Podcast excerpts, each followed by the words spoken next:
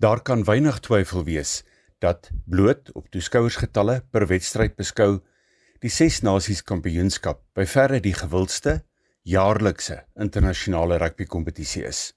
Byvoorbeeld, tydens verlede jaar se 2023 Ses Nasies reeks was daar 15 wedstryde wat in totaal deur 1.10930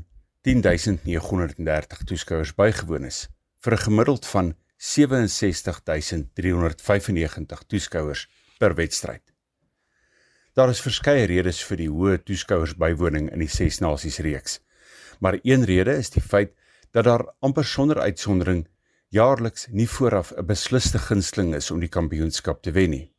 Sedert die kompetisie in sy huidige formaat van 6 lande wat daaraan deelneem in die jaar 2000 geloods is, was daar 4 spanne wat omtrent eweveel keer met die titel weggestap het. Engeland 7 keer, Frankryk 6 keer, Ierland 5 keer en Wales 6 keer. Die twee spanne wat gewoonlik aan die agterste speen suig, Skotland en Italië, het egter vanjaar, net soos verlede jaar, blink weggespring in die eerste ronde van die 2024 Ses Nasies toernooi met Skotland wat Wales in Cardiff geklop het, terloops die eerste keer in 22 jaar wat dit gebeur het, en Italië wat so byna vir 'n opskudding gesorg het deur net net teen Engeland te verloor het. Elkeen van die 6 lande wat aan hierdie kompetisie deelneem, het 'n ryk rugby geskiedenis. Met een ronde van vanjaar se 6 nasies reeks agter die rug, verskaf ek in vandag se uitgawe van Sport Trivia 'n kort geskiedenis van Engeland en Frankryk se deelname aan die 6 nasies reeks. Oor 2 weke van nou sal ek in 'n volgende Sport Trivia bydra 'n oorsig gee oor die geskiedenis van Ierland, Wales, Skotland en Italië in hierdie toernooi. Ek begin by Engeland. Ten einde Engeland se rol en vertoning in die Ses Nasies reeks in perspektief te plaas, moet ons dalk eers vlugtig kyk oor hoe die reeks die afgelope 141 jaar ontwikkel en gegroei het.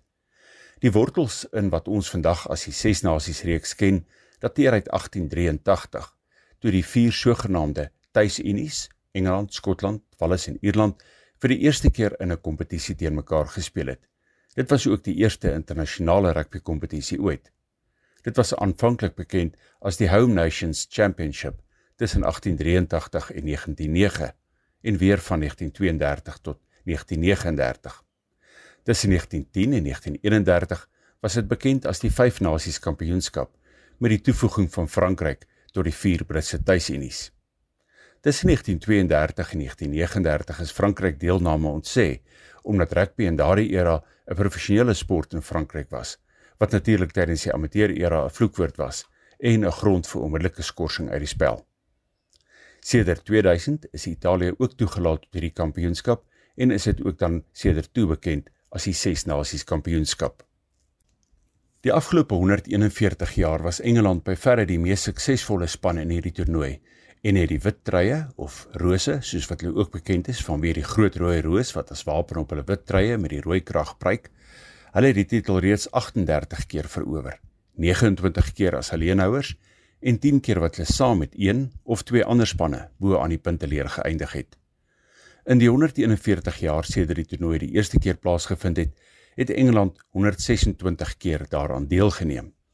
Die Witrye speel hulle tuiswedstryde op Twickenham aan die suidekant van Londen met sitplek vir 82000 toeskouers.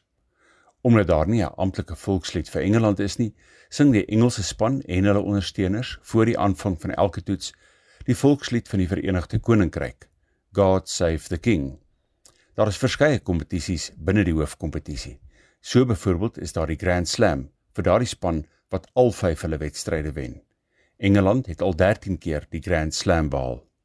Die Calcutta beker is op die spel wanneer Engeland teen Skotland speel en Engeland het dit reeds 82 keer gewen en Skotland 47 keer. Die mees onlangse geval natuurlik verlede jaar, danksy veral die bydrae van Suid-Afrika se Doan van der Merwe se 2-3. Die Triple Crown is 'n kompetisie wat slegs bedoel is vir die vier tuisunies en indien jy al drie wedstryde teen die ander 3 tuisunie spanne wen, in Engels die home unions, dan het jy die sogenaamde Triple Crown verower. Engeland het dit al 26 keer reg gekry. En Lesbes is daar die Wooden Spoon kompetisie vir die span wat laaste eindig. Iets wat Engeland al 17 keer oorgekom het. Die derde mees suksesvolle span in die geskiedenis van die toernooi is Engeland se bure, oor kan die Engelse Kanaal en aardsvyande Frankryk. Frankryk het vir die eerste keer in 1910 aan die kompetisie deelgeneem. Is geskort uit die kompetisie tussen 1932 en 39 en het eers weer in 1947 nadat die toernooi hervat is na die Tweede Wêreldoorlog hulle deelname daaraan hervat. Frankryk wat in 93 toernooie gespeel het, het die titel reeds 26 keer ingepalm. 18 keer alleenwenners en 8 keer gedeel. Hulle speel sedert 2000 hulle tuiswedstryde op die Stade France Stadion noord van die hoofstad in die woonbuurt Saint-Denis met sitplek vir 81338 toeskouers en voor dit vanaf 1975 tot 2000 is die Franse se tuiswedstryd op die Parc des Princes in die Rykmansbuurt in die 16de distrik in Parys gespeel en voor 1975 op die ou romantiese Colombe Stadion noordwes van die stad waar byvoorbeeld die 1920 Olimpiese spele plaasgevind het. Ek moet dalk ook net noem dat in 2018 het Frankryk 1 ses nasies wedstryd in Italië in Marseille gespeel en vanjaar vanweer die Stade France wat in gereedheid gebring moet word vir die 2024 Olimpiese spele gaan Frankryk al drie hulle tuiswedstryde buite Parys speel in Lyon, Lille en Marseille.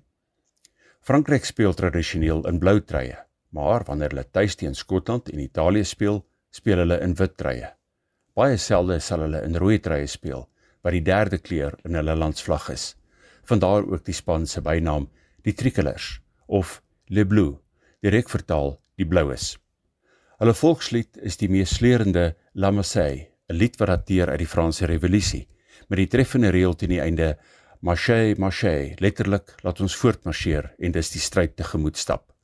Frankryk het al 10 keer die wooden spoon ontvang deur laaste in die kompetisie te geëindig het.